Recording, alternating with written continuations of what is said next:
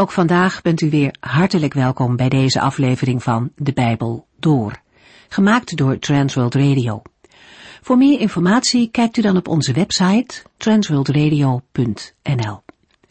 In deze serie gaat u in vijf jaar tijd met ons de Bijbel door, van Genesis 1 tot en met het laatste vers in Openbaring 22. Wij lezen deze weken uit het Bijbelboek Jesaja. En de vorige keer hebben we nagedacht over hoofdstuk 43 en 44. Centraal in deze hoofdstukken staat de liefde van de Heere God voor zijn volk. God is trouw en zal dat laten zien. De Heere geeft niet op, ondanks de ontrouw van de menselijke kant. Hij belooft in deze hoofdstukken dat Israël op een dag zal terugkeren vanuit de hele wereld. Zij zullen op hun beurt de Heere openlijk eren en iedereen zal zien dat zij de Heere toebehoren. Het volgende gedeelte maakt echter meteen duidelijk dat dit beeld nog toekomstmuziek is. Het volk richt zich nu nog niet tot God. Het enige waar ze hem mee lastigvallen, dat zijn hun zonden. En daarmee laat de Heere weer zien dat de verstrooiing onder de volken terecht is. Hij geeft echter wel de hoopvolle boodschap dat de ballingschap niet het einde is. De Heere laat toe dat zijn volk een moeilijke tijd doormaakt, maar hij geeft zijn belofte niet op. Hij zal hen nooit definitief loslaten. In deze hoofdstukken laat de Heer steeds weer liefdevol zien dat hij herstel zal geven van alle moeite en zorg. De beloften van deze hoofdstukken gelden in eerste instantie voor Israël. Er wordt niet over de volken gesproken.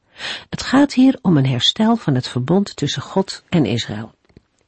En ook Paulus spreekt erover dat Israël voor een tijd aan de kant gezet is, maar dat de Heere op een dag verder zal gaan met zijn weg, met zijn volk. Gods beloften voor hen blijven staan totdat ze vervuld zijn. Er komt een tijd dat de Heere dit volk geestelijk herstel zal geven.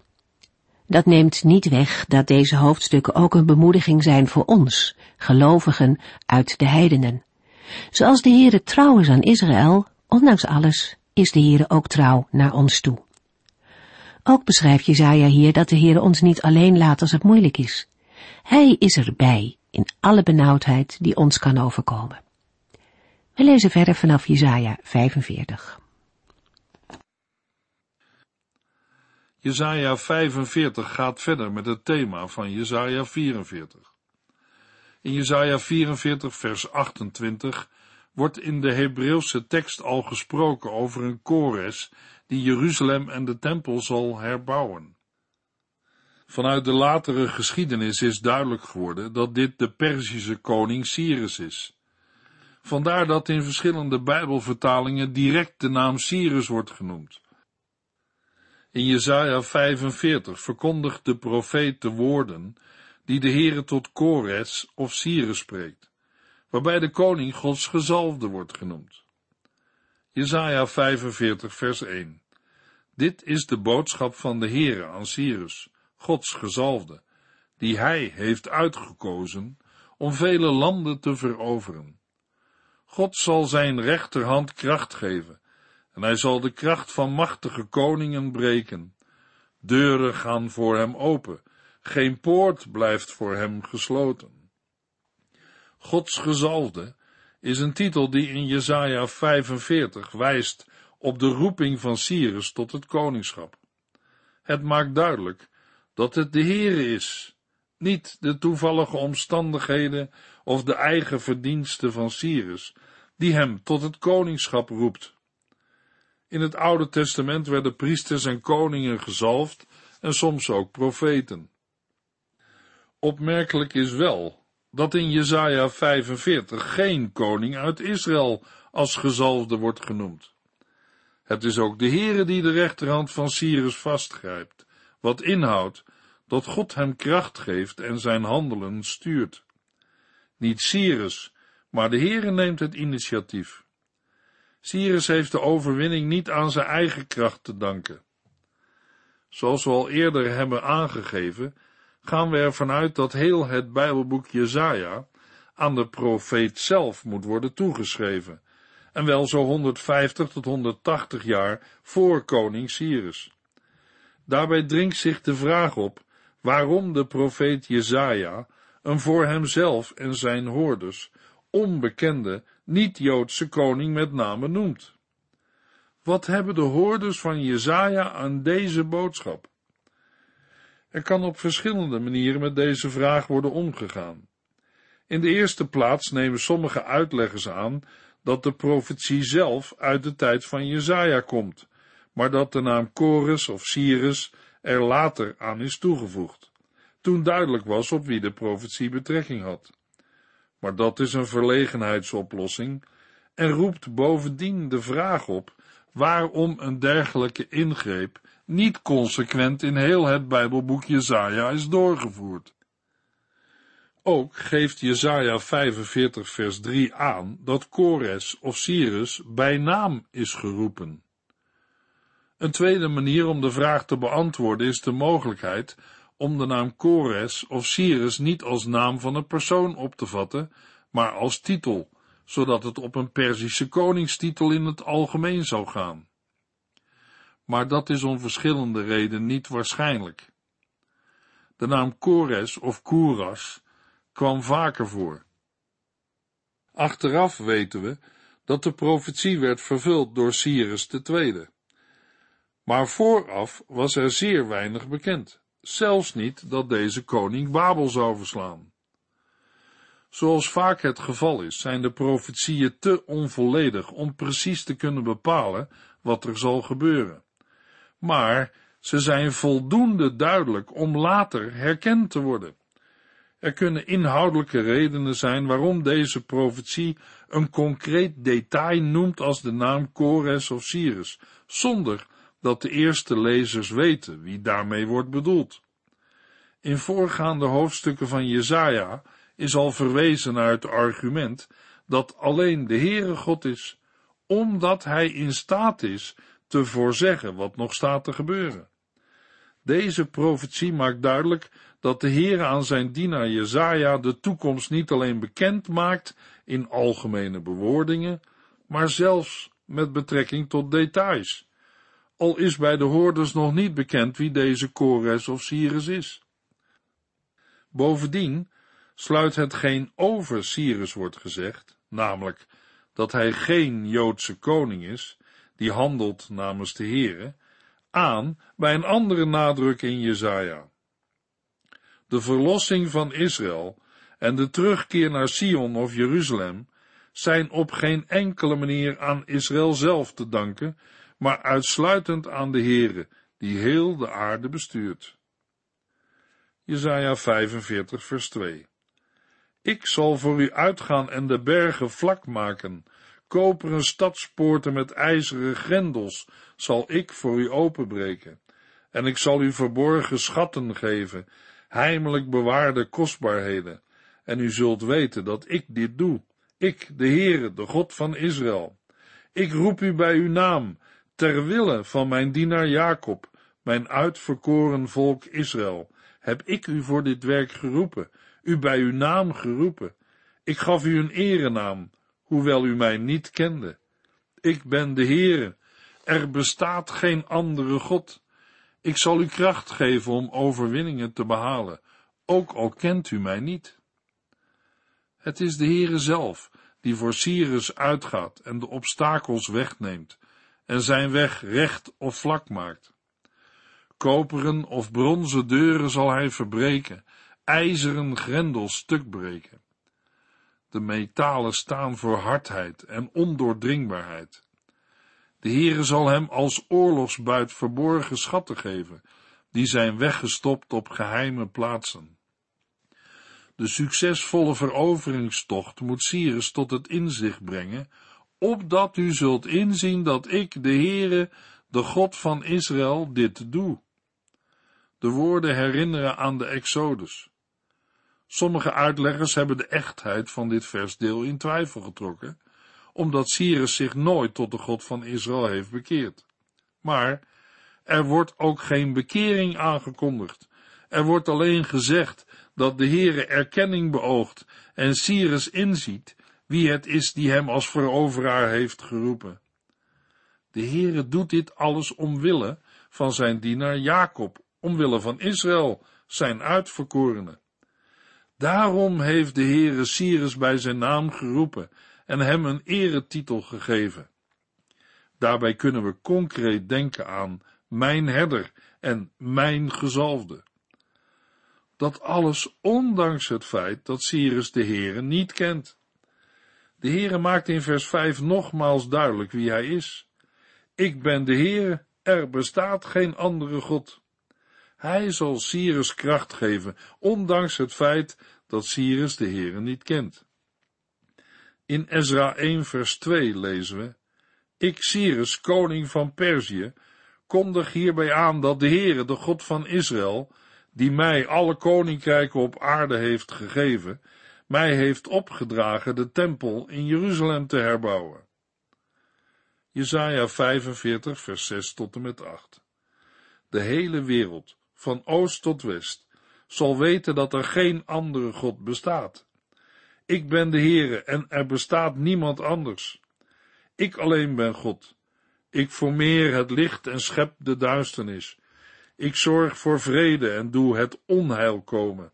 Ik, de Heere, doe deze dingen. Hemelen, druppel van boven. Wolken, laat gerechtigheid stromen. Aarde, open uw schoot, opdat het heil en de vrede groeien mogen. Ik, de Heere, heb het bewerkt. Gods bedoeling is dat daardoor iedereen op aarde, van waar de zon opkomt tot waar zij ondergaat, zal erkennen dat er niemand is buiten de Heere. Er is geen andere God. Hij is het die het licht formeert en de duisternis schept, die voor vrede zorgt en onheil schept. Niets gebeurt buiten hem om. Of hij Israël nu in ballingschap laat gaan vanwege hun zonde, of dat hij een buitenlandse koning zendt om Jeruzalem te herstellen, niets of niemand kan hem tegenhouden. Wat hij zich heeft voorgenomen gebeurt. In vers 8 sluit de profetie af met een beeld uit de schepping. De hemelen worden opgeroepen om water te druppelen en de wolken om gerechtigheid te laten stromen. Het beeld roept de associatie op met het dorre land dat waterrijk wordt, als beeld voor het geestelijk herstel van Israël. Laat de aarde zich openen en laat de verlossing en gerechtigheid opbloeien. Er mag in de tijd van Jezaja dan nog weinig te zien zijn van verlossing en gerechtigheid. Maar zo zeker als het droge, dorre seizoen plaats maakt voor de vruchtbare zaaitijd, zo zeker zullen uiteindelijk verlossing en gerechtigheid op aarde heersen. De zekerheid dat dit zal gebeuren, ligt in de afsluitende woorden. Ik, de Heere, heb het bewerkt. Formeel genomen bevatten de gelezen verzen een profetie gericht tot Kores, de latere Perzische koning Cyrus. Maar feitelijk worden de woorden niet in de eerste plaats tot koning Cyrus gesproken, maar als het ware over zijn hoofd heen tot de Israëlieten. De profeet maakt hun duidelijk dat en hoe de machtige God, die van Israël houdt en heel de aarde bestuurt, zal ingrijpen en herstel zal brengen. Er zijn in de dagen van Jezaja dan wel grootmachten die Jeruzalem bedreigen, en het mag zelfs zo zijn dat de Babyloniërs het volk in ballingschap zullen wegvoeren. Maar op zijn tijd zal de Heere de heidense koning Cyrus aanstellen, die als werktuig in zijn hand deze grootmachten aan zich zal onderwerpen en Jeruzalem en de tempel zal herstellen. Daar mag Israël op vertrouwen. Jesaja 45 vers 9 tot en met 12 Wee degene die zijn schepper bestrijdt. Durft de pot ruzie te maken met zijn maker? Zegt de klei tegen degene die haar kneedt, stop, u doet het verkeerd. Of roept de pot, u kunt er niets van. Wee het pasgeboren kind, dat tegen zijn vader zegt, waarom hebt u mij verwekt? En tegen zijn moeder, waarom hebt u mij gebaard?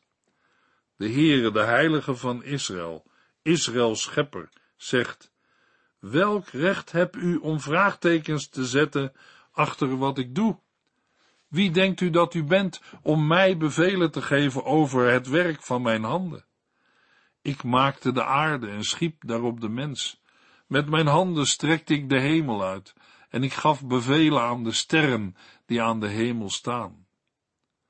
Dat de voorgaande verzen in feite tot de Israëlieten zijn gericht, blijkt uit de versen 9 tot en met 13, waarin de Heere de Israëlieten terechtwijst. Uit de woorden wordt duidelijk dat de Israëlieten Gods plannen in twijfel trekken. In de versen 9 tot en met 13 wijst de Heere het volk terecht en maakt hij duidelijk dat hij volkomen vrij is in zijn handelen. Hoe absurd het is dat de Israëlieten de plannen van de schepper in twijfel trekken, wordt met twee beelden duidelijk gemaakt. Het eerste beeld is dat van een pot, te midden van aardewerken potten, die in opstand komt tegen de pottenbakker, zijn formeerder. Maar het staat de pottenbakker toch vrij te maken wat hij wil. Het tweede beeld is dat van een kind, dat zijn ouders vraagt waarom het is verwekt en geboren. Het is ongepast als klei de pottenbakker zulke verwijten maakt, of een kind zijn ouders zulke vragen stelt. Hoeveel te meer geldt dit dan ten opzichte van de schepper? Daarom wijst de Heere de Israëlieten terecht. Zullen zij hem ter verantwoording roepen over de komende dingen, of hem bevelen geven over het werk van zijn handen? De Heer heeft de aarde gemaakt en de mensen die erop wonen. Hoe kan een mens hem dan bevelen geven? Het beeld van de klei of pot, die op ongepaste wijze de pottenbakker ter verantwoording roept, wordt ook door de apostel Paulus aangehaald. De context waarin dat gebeurt is vergelijkbaar. Paulus' denkbeeldige gesprekspartner trekt Gods plan met Israël en daarmee zijn trouw aan de belofte aan Abraham in twijfel. Maar net als Jezaja maakt Paulus in zijn betoog in Romeinen 9 tot en met 11 duidelijk dat de Heere vrij en soeverein is in zijn handelen. Hij zal wel degelijk verlossing schenken, ook al doet hij dat op een manier die mensen nooit zouden bedenken. Jezaja 45 vers 13 Ik heb hem laten opstaan om mijn gerechtigheid te laten vervullen, en ik zal de weg voor hem effenen. Hij zal mijn stad herbouwen en mijn gevangen genomen volk bevrijden, zonder daarvoor een beloning te krijgen. De Heere, niemand minder dan hij zelf is het, die Cyrus doet opstaan om zijn gerechtigheid te vervullen. De Heere zal de weg voor hem vrijmaken. Hij zal Jeruzalem herbouwen en de ballingen bevrijden, zonder dat er ook maar iets, het zij losgeld of steekpenningen, tegenover staat. Zo spreekt de Heere van de hemelse legers. Het is zijn plan, en zo zal het gebeuren. Met Jesaja 45 vers 14 begint een nieuwe profetie. De profeet voorziet dat de opbrengst van Egypte, Ethiopië of Kush en Arabië aan Jeruzalem zullen toebehoren. Hun rijkdommen en lichaamskracht zullen ten dienste staan van Jeruzalem en bijdragen aan het in het vorige vers genoemde herstel van de stad. Zij zullen Israël volgen en zich nederig in de richting van Jeruzalem neerbuigen en zeggen, Uw God is de enige God die er is. In vers 15 lezen we dat de Heere een God is die zich verborgen houdt, maar ook een God is die bevrijdt. De erkenning van de genoemde volken laat zien hoe vergeefs hun vertrouwen op hun eigen goden is geweest. Wie afgoden aanbidden, zullen beschaamd staan, vernederd worden en omgeven door smaad. Maar Israël wordt verlost door de Heere met een eeuwige verlossing. De Heere stelt de Israëlieten dan ook gerust. Zij zullen niet beschaamd staan. Tot in eeuwigheid zullen zij niet meer vernederd worden. De beleidenis van de volken die komen, wordt in het Nieuwe Testament aangehaald met betrekking tot ongelovigen, die in de christelijke gemeente tot inkeer komen en erkennen dat de Heere waarlijk in de gemeente van Jezus Christus aanwezig is. In Jesaja 45, vers 18 tot en met 25 spreekt de Heer opnieuw. Daarbij openbaart hij zich allereerst als schepper. Als schepper van hemel en aarde kan hij zeggen, ik ben de Heere, en er bestaat geen andere God. Hij wil zich laten kennen, en wel door zijn spreken. Hij spreekt niet in het geheim, in de donkere hoeken van de aarde. De volken mogen dan wel denken dat de Heer een verborgen God is, maar het tegendeel blijkt het geval te zijn. Tegen Israël heeft de Heere niet gezegd, zoek mij te vergeefs. Nee, zijn spreken is duidelijk en begrijpelijk.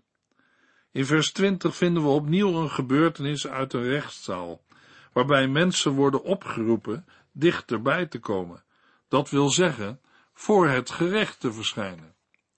Maar deze keer zijn het niet de volken in het algemeen die worden opgeroepen, maar specifiek de ontkomenen of vluchtelingen onder hen. In de zaak die de Heere naar voren brengt, gaat het opnieuw om de vraag wie werkelijk God is en of hij zich als zodanig kan betonen. Dat de afgoden dit niet kunnen, blijkt hieruit dat degenen die het hout van hun gesneden beelden ronddragen, niets weten.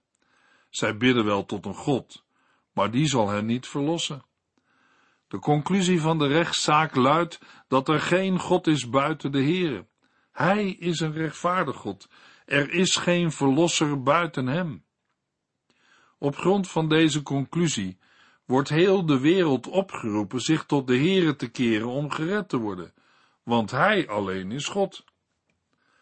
Jesaja 45 vers 23 tot en met 25 Ik heb bij mezelf gezworen, en mijn woord terugnemen doe ik niet, want het is een waar woord, dat elke knie voor mij zal buigen, en dat elke tong zal zweren bij mijn naam. In de Heere ligt al mijn gerechtigheid en kracht, zullen de mensen verklaren. Allen die zich tegen hem verzetten, zullen tot hem komen en zich schamen.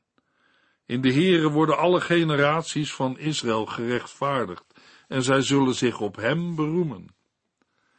In het Nieuwe Testament wordt de beleidenis uit vers 23 toegepast op Jezus Christus, voor wie elke knie zich zal buigen en voor wie elke tong zal beleiden dat Hij Heer is. Daarmee wordt gezegd dat de Heer Jezus volkomen deelt in de erkenning en aanbidding van de ene ware God. Jesaja 46 vers 1 De afgodsbeelden van Babel, Bel en Nebo worden op wagens weggevoerd. De polemiek tegen de afgoden was tot nu toe vrij algemeen gericht tegen alle soorten godenbeelden van hout, metaal of steen. In de voorgaande verse kwam dit tot een hoogtepunt in de erkenning van de Heere door heel de wereld. De polemiek wordt in Jesaja 46 toegespitst op Bel, de titel waarmee Marduk werd aangesproken, en Nebo, twee van de belangrijkste goden van Babel. De profetie dat alle knie zich voor de Heere zal buigen, strekt zich ook uit tot de goden van Babel. De goden van het volk dat de Israëlieten in ballingschap zal voeren. Zij zullen uiteindelijk zelf als ballingen worden weggevoerd. In het licht van dit toekomstbeeld richt de Heere zich tot alle Israëlieten. Hij roept hen op te luisteren. De aansporing om te luisteren staat ook in vers 12. De Heer herinnert hen eraan hoe hij het volk heeft gedragen vanaf de moederschoot, hoe hij het heeft opgetild vanuit de baarmoeder. Het beeld geeft uitdrukking aan de sterke liefde en zorg van de Heere voor zijn volk, die te vergelijken is met de liefde van een vader en moeder voor hun kind. Niet alleen in het verleden heeft de Heer het volk gedragen, tot in de hoogste ouderdom, tot de grijze haren toe, zal hij voor hen blijven zorgen. Hij heeft het volk gemaakt. Hij heeft het gedaan. Hij zal het blijven dragen en hij zal het uitredden. Wat een contrast met de goden van Babel. Die moeten zelf worden gedragen. Een God die zelf gedragen moet worden, kan geen redding geven. Maar de Heer is de God die zelf draagt, en daarom kan hij ook verlossen. De Israëlieten willen de Heere toch niet vergelijken met goden van goud, zilver en hout. Goden die nog gedragen moeten worden ook. Wie in nood tot zo'n God om uitredding schreeuwt, komt bedrogen uit. Zo'n God kan niet verlossen of bevrijden uit benauwdheid. Jesaja 46 vers 7 Op hun schouders dragen zij hem rond, en als ze hem ergens neerzetten, blijft hij daar, want hij kan zich niet bewegen. En als iemand tot hem bidt, komt er geen antwoord, want die God kan hem niet uit zijn problemen helpen. En dat is nog niet alles. Zo'n God van goud, zilver of hout kan ook niet vertellen wat er in de toekomst gaat gebeuren. De Heere zegt in Jesaja 46 vers 9 tot en met 13 En vergeet ook niet hoe vaak ik u overduidelijk heb verteld wat in de toekomst ging gebeuren. Want ik ben God, ik alleen en er bestaat geen ander zoals ik. Ik verkondig u van het begin af aan de afloop van wat er gebeuren gaat. Wat ik heb bepaald, zal gebeuren zoals ik heb besloten. Ik zal die snelle roofvogel uit het oosten roepen, de man die ik heb verkoren, die van ver komt. Hij zal komen en doen wat ik zeg. Luister naar mij, koppige mannen, die u verre houdt van mijn heil, want ik bied u mijn verlossing aan. Niet in de verre toekomst, maar nu. Ik sta klaar om u te redden. Jeruzalem zal ik verlossen en Israël weer in luister herstellen. Luisteraar, in Christus biedt de Heere ook u en jouw verlossing aan. Zeker, er is hoop voor Israël, maar ook voor u, jou en mij. In de volgende uitzending lezen we verder in Jesaja 47 en 48. U heeft geluisterd naar De Bijbel Door, in het Nederlands vertaald en bewerkt door Transworld Radio. Een programma waarin we in vijf jaar tijd de hele Bijbel doorgaan. Als u wilt reageren op deze uitzending of u heeft vragen, dan kunt u contact met ons opnemen. Tijdens kantooruren kunt u bellen op 0342 47 8432 0342 47 8432. Ook kunt u een e-mail sturen naar de Bijbel door at transworldradio.nl en natuurlijk kunt u ook via de post ons bereiken. TWR, postbus 371, postcode 3770, AJ in Barneveld. Dit programma werd gepresenteerd door Cor Weda en Ike André. Techniek was in handen van Odin van Voerkom. En wij allemaal bedanken u voor het luisteren. Graag tot de volgende keer.